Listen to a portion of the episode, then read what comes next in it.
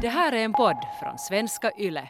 Alltså en av de vanligaste frågorna jag har ställt åt mig själv i mitt föräldraskap är hur ska jag få mitt barn att äta bättre? eller äta Mm. bättre, alltså som, eller ja, inte äta bättre, utan kanske äta, äta bara. Och det är ju någonting som vi har frågat sådär kring ämnen också av, av er lyssnare så är ju eh, mat och barn är ju liksom någonting som har dykt upp så många gånger. Att det är många som har utmaningar kring det och ska behöva stöd och bara få, ja, när man får höra andra också som har utmaningar och kanske lite, få lite pepp också kring det. För man blir ju ganska ensam om man har mera utmaningar kring just maten hemma. Under min uppväxt så, det här, um, så har jag aldrig riktigt kopplat känslor till mat, vilket jag antar att du har gjort med din ätstörning i bakgrunden.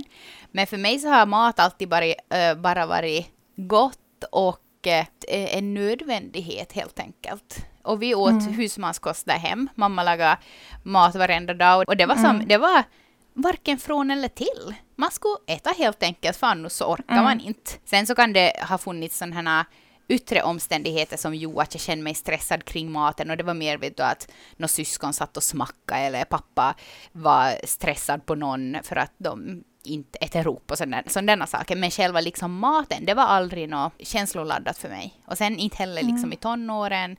Eh, utan det är nu sen jag blev förälder som jag, som jag har väldigt mycket känslor kring mat. För att vi har ett barn som har problem med maten helt enkelt. Det här är ju som helt tvärt emot för mig. Ja. För känslor. Alltså, jag vet, inte, jag vet inte direkt när mat blev liksom kopplat till känslor för mig. Jag, jag tror att det blev för mig liksom i tidiga tonåren så blev mat liksom ett sätt att hantera känslor. Ett sätt att hantera liksom ångest och kanske ett sätt att ta kontroll över någonting som jag kände att jag inte hade kontroll över. Jag upplever mig själv som en liten så här, vet du, svamp som har vet du, sugit åt sig av allt som har varit runt omkring. Vet du, jag var den som påverkades jättemycket av tidningar, av att det skrevs om dieter och liksom allt sånt. Men det var nog, det var nog liksom först just i den åldern, i tidiga liksom tonåren. Och sen när jag på något sätt har bearbetat det så mycket under min tillfriskningsprocess, så jag tror igen att kanske nu, det är första gången i mitt liv som jag nu är sådär jätte, hur ska jag säga, känner mig lugnare ändå i, och jag har som inte så mycket känslor kopplat till mat om jag jämför med tidigare. Men det är också intressant för jag ser tillbaka liksom på min, min barndom och, och jag fick också en, som en jättebra start och jättebra bra grund på något sätt hemifrån. Eh, från speciellt kanske mamma, att vi alltid, hon har varit nog att vi äter tillsammans och vi har ätit jättebra och hon har lagat all mat och sådär. Så jag tror att den grunden hjälpte mig, trots att jag hade min turbulenta ätstörning, så hjälpte den mig att hitta på något sätt jag hade en grund att gå tillbaka till, vilket jag är jättesom, sådär tacksam över. Men mat är nog komplicerat, för att jag tycker att det börjar redan när, när man får en... När det börjar redan under graviditeten. Alltså då blir det redan väldigt fokuserat på vikt och mat, kan jag uppleva i alla fall. Eh, och sen kommer babyn och så blir det mycket fokus kring amning eller flaskmatning. Och där blir det på något sätt det är också lite svårt att prata om ibland för det finns liksom så mycket känslor och laddat kring det. Mm, och folk som har sina åsikter Exakt. om hur man ska göra och hur mycket man ska amma och när man ska amma. Exakt. Och bara, mm. Och sen fortsätter det när, när babyn börjar, ska börja äta.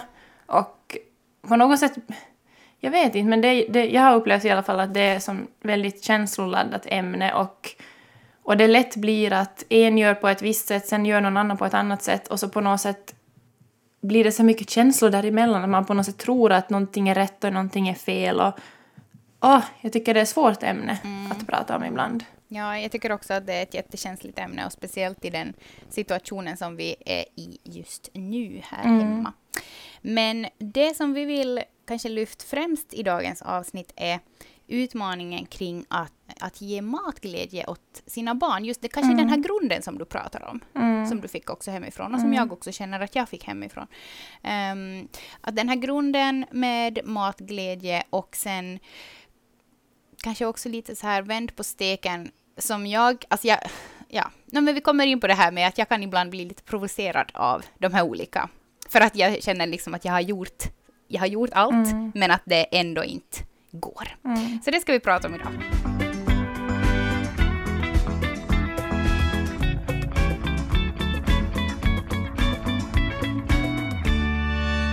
det som vi har kämpat med ända sedan hon var typ ja, två och ett halvt år eller någonting, eh, så är alltså att hon är jätteselektiv i sin, Mm. i sin, i sin, alltså vad heter det, matintag eller vad man ska säga. Mm. Och det var typ ett år sedan som jag kände att, att jag har inga verktyg kvar för att hantera det här. Eh, jag känner att jag har försökt liksom eh, vara den här goda modern som liksom lagar stabil och bra mat och du, kämpar och på men att det alltid bara du, ratas. Eh, Mm. Och det finns inte det här med att man ska äta upp fast man, hur lite man än lägger på fatet så ska det alltid lämna. Ehm, och jag börjar ju misstänka att hon har sån här selektivt, alltså selektivt ätmönster.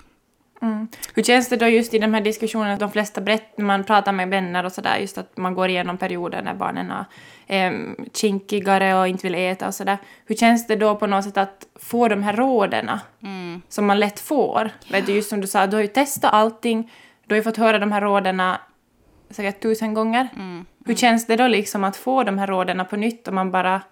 Ja, nej men alltså i början, eller då det har pågått kanske typ två år, så då så blev jag typ mest arg. Fast jag, jag, visade inte, utan jag var ju mer Nej. sådär liksom inombords. Att, att du vet inte liksom, du vet inte hur Nej. mycket jag försöker, du vet inte liksom hur mycket jag kämpar med det här, så att snälla. Då folk gav råd, så då kunde jag nog ta emot och vara glad och sådär. Så Ja. att, ja, nej men det där testat. Men mer vet du sådana men typ sådana för, förmaningar eller som sådär att, Mm. att varför gör du sådär och, och att hur kan, hur kan du bara ge det där åt henne eller hur, liksom, hur kan du låta henne gå från bordet att, att hon ska inte få något efterrätt och vet du sådant vet du att man Mm. ja men nu eh, nu som när hon har blivit äldre och jag också förstås har växt i min mammaroll och sådär jag vet, jag vet inte, det låter kanske lite konstigt men det är som på något sätt mer att jag känner typ en sorg över Mm. det hela Mm. nej, men eh, på något sätt som att hon går miste om matglädje som Mm. jag hade när jag var liten. Mm. Eh, och eh, går miste om så mycket vet du, goda smaker helt enkelt. Mm. Och eh, ja, det som jag tycker kanske har varit jobbigast är det där just att inte bli tagen på allvar. Mm. Jag kan tänka mig eftersom att många ändå har perioder av liknande saker så blir det kanske lätt att man att om du söker att få som stöd och hjälp kring det så blir det att, att det tas som att men det går, just, det går över av sig själv och att det går snabbt. Och att försök ge hennes favoriträtt och försök göra det här och det här. Mm, precis. Eh, och den här klassikern att de äter nog då de är hungriga. Men vi hittade ju ett jättebra vad heter det, konto på Instagram som hade just kring det här med, med matglädje och lite tankar och tips kring det. Så vi tänkte ju lyfta några av dem och diskutera Mm. lite kring det. Eh, jag tänkte bara om vi först måste, åt er som inte Ja. vet vad selektivt ätsmönster är, så är det alltså barn som är nå, I vårt fall så är det alltså jättekänsliga smaklökar, eller vad man ska säga. Det heter väl kanske inte smaklökar. Men alltså jättekänslig för nya smaker, eh, nya konsistenser eller konstiga konsistenser. De går hellre hungriga än att eh, liksom testa de här nya smakerna och, och eh, de här nya konsistenserna.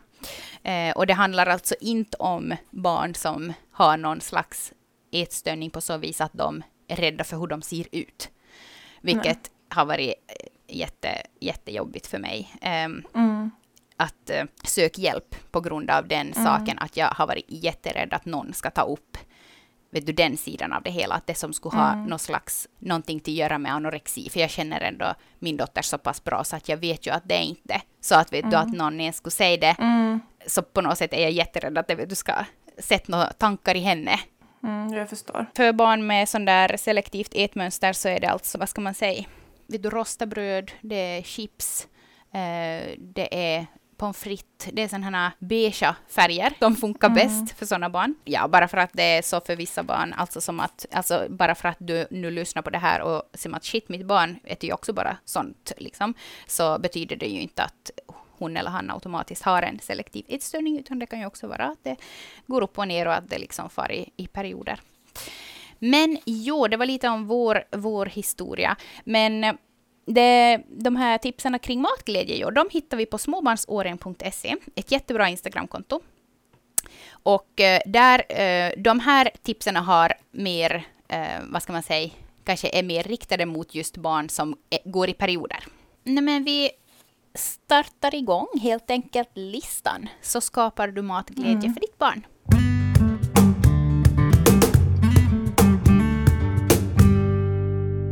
Och det första tipset här så det är att äta tillsammans. Och det, det är någonting som jag tror på jättemycket. Jo. Eh, och det är ju någonting som jag också sådär vet att från min historia som med ätstörningen så var det någonting som de alltid proppade på med från sådär när man skulle bli frisk också att, att det är jätteviktigt att man äter tillsammans. Att det är som grunden i allt. Också jag tänker att, eller jag har på något sätt tänkt just att att vi ska äta tillsammans här hemma. Att det är inte sådär att barnen äter först och sen äter vi, utan att vi ska äta tillsammans. Och såklart ibland kan man göra så, men också för att det på något sätt ska bli mer än bara mat. Det är också som en social företeelse och också en chans för oss som vuxna att visa åt barnen hur vi gör kring mat. Mm, exakt. Det som jag också tycker är bra med det där med att äta tillsammans är det där att, att jag försöker som sitt typ eh, bredvid barnen, eh, försöker, det gör man ju automatiskt, men att också som sådär att typ mitt fat är ditt. Vet du, att om de ser Mm. någonting på mitt fat som de tycker att hm, det ser spännande ut, som inte de har vågat Mm. typ ta på sitt fat, så då är det fritt fram att ta från mammas fat. Ja, och sen har, har jag märkt att jag har blivit sån som jag inte skulle bli, att jag tar, om de lämnar någonting så äter jag från deras tallrik. Slasktratt. ja. Nästa tips är strunta i bordsskicket. Jag kommer ihåg med, med Alma när hon började äta och vi testade puréer med henne men hon, hon ville inte alls ha puréer så vi fick ganska snabbt skippa det. Och då började hon ju som äta med händerna och det var ju som klott överallt. Och jag kommer ihåg att jag typ bara satt och typ räknade till tio för att jag hade så svårt för det i början. Tyckte det var jättejobbigt. Eh, men man vänjer sig. Jag har försökt ha det som en sån grundgrej att de ska få kladda med det. Och det ska som få stritta och det ska som få... Att det är jag som måste jobba med mina jobbiga känslor kring det. Mm. Ja, men precis, det där tänker jag också att det är som på något sätt man själv som måste göra det kanske lite enklare för sig själv då, att kanske lägga tidningar eller någon sån här plastduk eller någonting under. Eh, och just det där också att inte hela tiden gå och torka av barnet före hen är färdig. Det tror jag är jätteviktigt. Att inte liksom lägga sig i och få torka av munnen och, och sådär. Ehm, och det tänker jag också som att just när de är som sådär små så alltså det är ingen brådska med att, att lära dem något bordsskick. Nej, nej, nej. Men om man tänker lite äldre barn, så då kan det ju vara liksom andra saker som man tycker att hör till bra bordsskick. Men jag var faktiskt ute och gå med en eh, kompis här för någon eh, vecka sedan och pratade om mina tankar kring svårigheterna kring maten då med vår ena dotter. Eh, för att hon också har lite som sådär liknande erfarenheter, så, alltså som från att hon själv var likadan när hon var liten. Mm. Eh, Så ett tips som hon, eller en tanke helt enkelt som hon gav till mig var just att jag inte ska som kommentera sådana små saker som till exempel hur hon har sina ben. Det låter ju kanske konstigt när jag säger det nu, men vet du som, vet du, alltså tänk att man lägger liksom upp vet du, fötterna på stolen så att man har knäna framför sig. Ehm, och hon sa som att, att brukar du göra det? Eller som brukar du säga åt henne att hon inte får ha liksom armbågarna på ett visst sätt eller benen i famnen eller så här. Och jag bara som att eh, jo, ibland. Hon bara som att ja, men att, att det där var någonting som var jättejobbigt för mig när min pappa sa det åt mig för att jag kände inte mig bekväm att sitta liksom som ett L eh, liksom i, längs stolen utan att för att jag skulle som känna mig bekväm att äta så måste jag först få känna mig bekväm på stolen. Så om det är också någon annan Mm. där ute som brukar påpeka hur era barn sitter vid bordet, så det, ta det som ett tips, speciellt om de är sådana som inte äter så bra.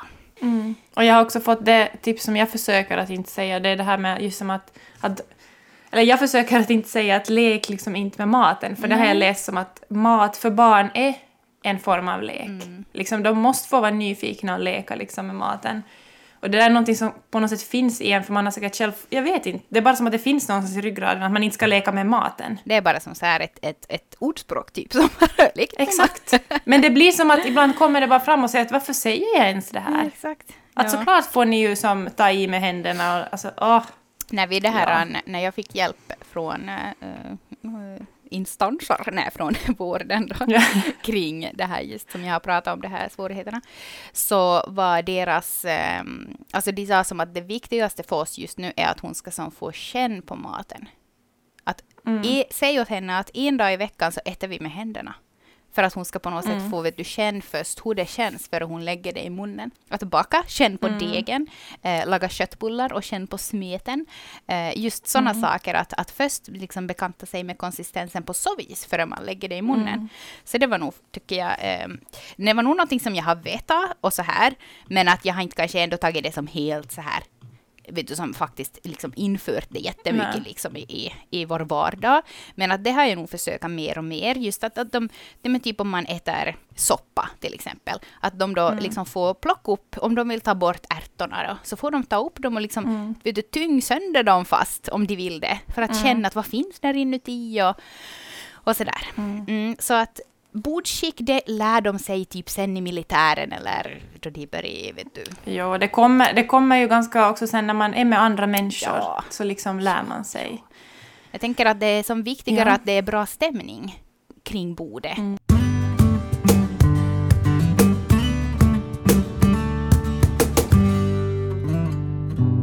Nästa, nästa så är att truga inte. Alltså den här, den här tycker jag är, Är den känsloladdad?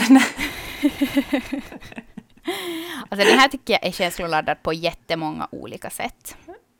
För att jag tycker på något sätt att, att man som förälder vill ju att barnen liksom ska vara mätta för att man vet att det påverkar deras humör om de inte är mätta.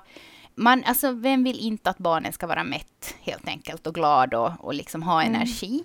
Eh, och så tänker man då att nej, men jag ska som inte, jag ska inte trygg. Men likväl så finner jag mig själv där, vet du, gång efter gång. Och så är det svår den där gränsen också tycker jag på liksom att eh, för vi har haft en period när de inte har ro att sitta vid matbordet. Eh, att den ena äter väldigt snabbt och då har inte den andra ro att sitta kvar. Nej. Och då har vi nu försökt som att man sitter tills alla har ätit färdigt. Eh, och då ser jag ju på den här ena som vill äta lite längre. Jag vill ju inte truga på henne men jag ser ju att hon, är inte, hon skulle vilja fortsätta äta. Men när lilla syster stiger upp liksom och vill Fast hon inte stiger upp så liksom tappar hon koncentrationen Ja. på något sätt. I vissa situationer trugar lite men sen blir det ju lätt också att man trugar för mycket när man inte borde truga på. Om jag trugar för mycket på dem, eller på henne, så är det ju som att det kan ju vara faktiskt att hon i något skede var mätt. Men då lär man sig på något sätt att gå över sina egna instinkter. Liksom att, att, man ändå ska, att barnen ändå i något skede ska lära sig att lyssna på sin egen kropp. Vet du, som att, att Ja, men precis, det kan ju vara att är jag hungrig, att hon var mätt. mätt. Ja, exakt. Exakt. de att om hon då säger att hon är mätt så borde jag ju lyssna på det. Precis, man måste ju på något Men- sätt lita på det. Fast man då kanske ja. ibland vet att okej, ja, på något sätt så, så blir det ofta som en ond spiral det där tycker jag, här hem hos oss. Mm. Här för någon månad sedan så då så, så satte vi oss ner, jag och Robert, och var som helt att det måste bli en ändring, att nu måste vi faktiskt liksom, nu måste vi bestämma oss här för att liksom hur vi ska göra. Så, för då var vi ganska djupt ner i den här spiralen. Mm. Att våra matstunder var helt enkelt inte roliga. Och då bestämde vi att nu så påminner vi varandra om att inte tjat, inte trug, inte vet du som tre skedar till. Nej men vet du, du är sex år, sex skedar till, du är fyra år, fyra skedar till. Utan att vi, vi frågar positiva frågor av våra barn, vi vill ha diskussioner med dem, vi visar åt dem att vi är glada att de sitter vid bordet med oss och att vi får del liksom en matstund med dem. Låt barnet äta själv. Mm, och just att, att liksom känna, klämma och, och, och smaka på egna villkor helt enkelt. Det här är kanske något som är just när man börjar med mat, men som vi nu har varit... För det har nog varit, alltså det här, jag skulle säga att när vi har börjat med maten nu med Valle, så det har nog varit som en av, det har varit den mest utmanande resan att få vårt barn att börja äta. Och där har det kanske också varit liksom att att jag, jag på något sätt har känt liksom att press av att, att han måste börja äta nu och bla bla bla. Ehm, men att jag har också sen, när jag har nu läst igen på om saker så har jag insett att, att det handlar mycket om att det behöver inte hamna så mycket i magen i början. Alltså det handlar om att han ska klämma och känna, han ska som få lära sig pincettgreppet och, eh, och just liksom Nej, men som att lära sig olika konsistenser och smaker och surt och sött och beskt och allt sånt här. Att, att det måste, och det får ta den tid det tar. Liksom. Men jag har haft någon sån här rädsla av att, att liksom, han får inte någonting i sig och så ammar han bara och så sover vi inte på natten för han bara ammar på natten. Men det är också som att, att Ja, men att det måste få ta den tid det tar att lära Alltså sig. lär, Att vissa just, ja, att han får lära sig att äta i egen takt helt enkelt. Exakt. Mm. Men det känns lite ibland som att det ska följa ett visst mönster att vid fyra månader ska de börja med den purén, vid fem månader ska de börja där. Och så frågar någon att ja, har ni börjat med det här nu och har ni introducerat det här nu? Och så ibland känns det bara som att jag har inte ens varje dag orkat med nya smaksensationer. Nej. Ibland har vi bara amma och man bara stackars barn. Du bara ser glad ut och bara jo, jo, jo, jo. alltid. Jo, jo, vi introdu- varje dag introducerar vi någonting nytt och det går så bra, så bra. Alltså så som jag har gjort det, liksom att jag alltid har erbjudit just sån här, alltså plockmat åt dem. Mm. Nå kanske inte när de var fyra månader, det kan jag väl inte kanske riktigt påstå. Men nog med de här två senaste i alla fall. Eh, men att jag också har haft eh, en skål med någonting som jag som har försökt som mata åt dem. Eh, Så att de har både fått det här liksom att äta med sked, att jag liksom matar dem och sen också att de själv får plock i sig i egen takt. Och just också det här med att när de kniper ihop munnen och vänder bort, att man inte vet du är där och liksom typ tvingar in mat. För det vet man ju själv att hur skulle det kännas? Mm. Mm. Så låt barnet också lite ha kontroll över sin, sitt matintag trots att de är små. Så lär de sig i sin egen takt.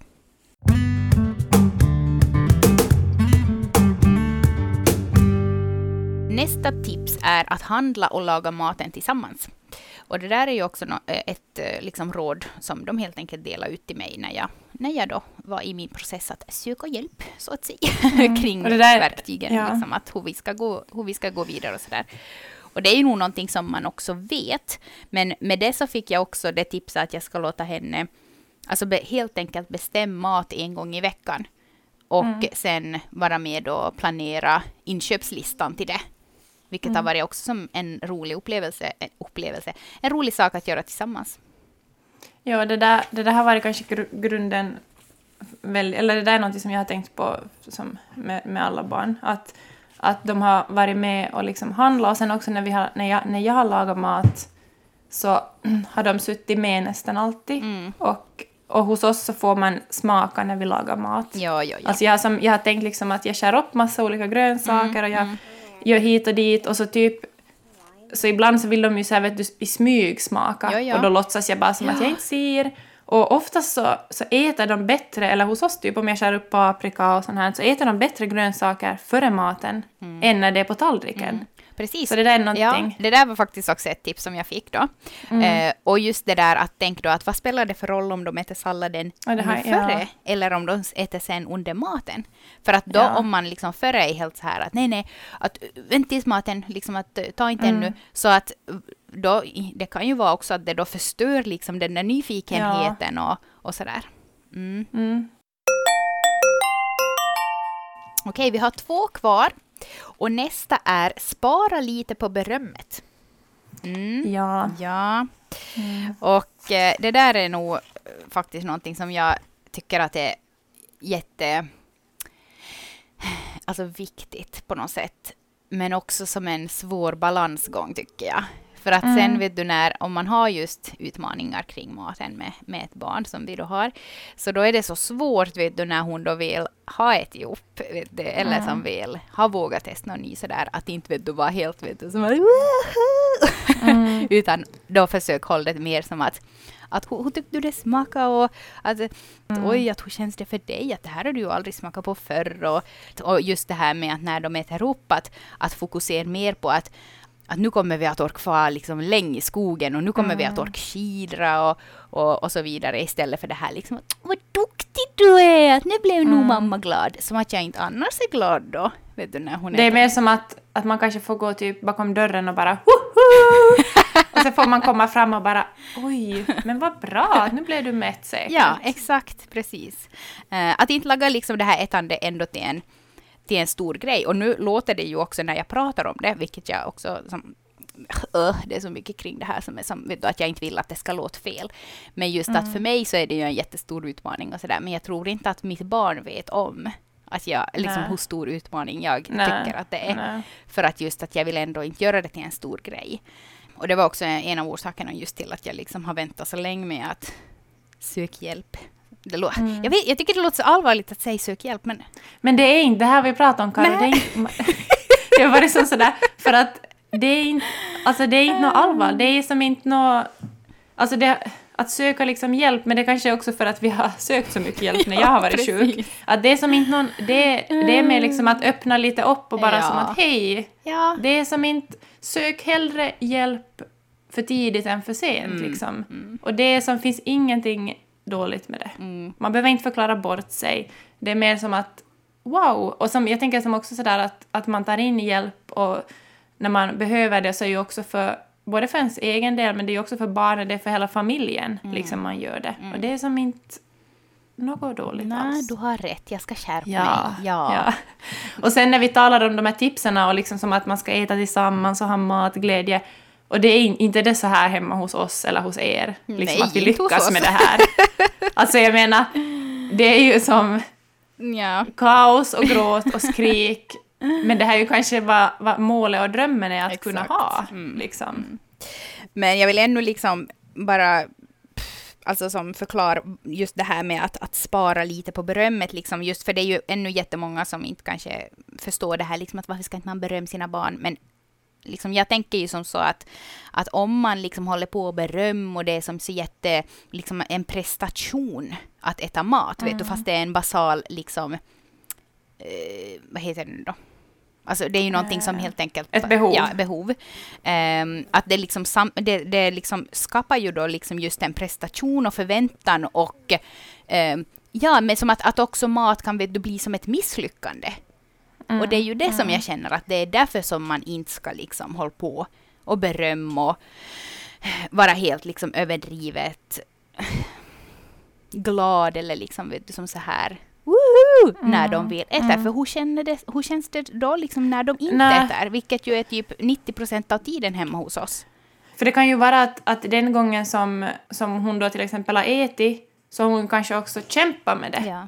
Och det blir ju på något sätt som att då blir det ju en, en prestation inom citationstecken Mm. fast det är inte, inte, inte kanske hon, hon ser ju inte som en prestation men det blir ju det liksom i grunden. Det är sam, Exakt och det är kanske samma sak som där med att, med att berömma deras, liksom det de gör. Mm.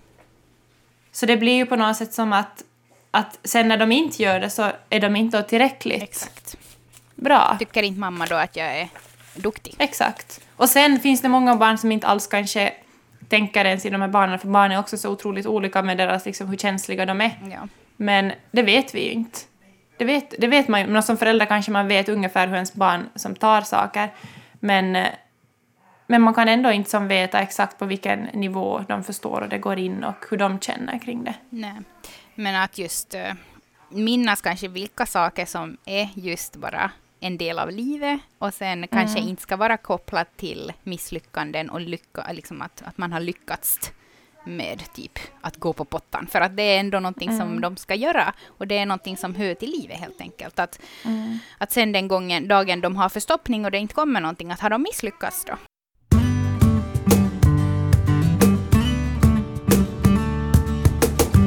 Ge inte upp. Mm. Och där tänker jag ju direkt att jag tar fasta vid det här du just eh, predikar om att, liksom, att det är inte något fel med att söka hjälp. För att jag gav inte upp när jag sökte hjälp. Nej, det är just den grejen som det handlar om. Att det, det, det betyder inte att det, ni har, det man har gjort hemma, att ni inte skulle ha lyckats. Det är lite samma som när vi pratar om det här med, vad heter det, att det här är ju någonting helt annat, men att ta med en doula på förlossningen. När, när det blir lätt sådär som att men nu skulle jag och min partner klara det. Jo, såklart! Liksom inte handlar det om att man inte skulle klara det och inte handlar det om att ni inte skulle klara det eller om att, att ni inte skulle känna ert barn tillräckligt bra eller att ni har gjort något fel. Men jag tror det är kanske där det liksom är att det, det handlar inte om att man ger upp när man söker hjälp. Nej. Absolut inte. Utan det är bara att ta resan på något sätt i en ny riktning och ta in hjälp när man har provat allting. Eh, och en annan aspekt av det hela med att inte ge upp, så det är också det här med att, att fast man till exempel har gett riven morot åt barnet fem gånger eh, och de alla, alla gånger liksom inte har velat äta, att man ändå liksom kanske fortsätter att, att eh, lägga det på deras tallrik då, man, då resten av familjen äter det. Och det var också ett, eh, ett tips som vi fick just att att lägga liksom uh, det som jag själv äter, så lägg ändå typ en, en milliliters liten klick av det på fatet, typ såsen då. Så ser hon då att okej, okay, men att mamma tror på mig. Att, det, mm. att, att jag, jag, får göra den här, jag får göra det här valet, att smaka eller inte. Att mamma har inte helt mm. vet du, gett upp med att jag inte vet du, är kapabel mm. till att smaka nya saker. Och en, en uh, sak som vi kan avsluta med, så det var ju att uh, den här, uh, den här som jag var och pratade med, då, så hon sa ju som att det tar tio gånger innan man har vant sig med en ny smak. Mm. Så det är också någonting som jag tänker att det är just med det här med att inte ge upp, att mm. erbjud det bara. Mm. Tio gånger. det kan krävas att man typ elva dagar i rad testar det, eller med några dagars mellanrum, och sen på något sätt så, mm. så accepterar barnen en ny smak. Att det handlar inte alltid om att man ska inte se det som att de inte tycker om när de är jättesmå, Nej. utan att de är inte vana ja, precis. till en början med. Mm. Ja, mm. så det var de tipsen som vi hittade där på småbarnsåren.se. Vilket jag, alltså jag, tyckte var, jag tyckte det var jättebra tips och också tips mm. som jag var bekant med. Men att de är inte, alltså jag säger det, liksom, de är inte helt enkla att liksom lägga Nej. i praktiken. Men det är någonting att ändå kanske ha i bakhuvudet under resans gång. För det här med mat och barn, det kan vara klurigt och uh, kämpar du med mat där hemma med era dina barn så säger jag bara att du är inte ensam. Tack för den här pratstunden, Rebecka. Jag har ju varit väldigt nervös inför att laga det här avsnittet, men jag känner mm. ändå att jag, det gick bra. och, det, och det är viktigt. Ja, det är det. Nästa vecka så ska vi prata om trots. Till vår hjälp så har vi Petra Krantz Lindgren. Och eh, ja, vi kommer att prata om hur man tacklar, hur man tacklar trots åldrarna. Och ja, jag själv har ju aldrig tagit för givet att det handlar om trots, utan jag tror ju mer att det bara är utvecklingsfaser. Ja, och perioder just när, när barnen verkligen vill göra saker själv och de har så mycket viljor och känslor i sig och sen kanske mm. så tar det uttryck sig i det sättet liksom att det blir det vad vi kallar trots. Det blir intressant att göra ett avsnitt om det. Mm. Vi hörs igen nästa vecka. Hej då!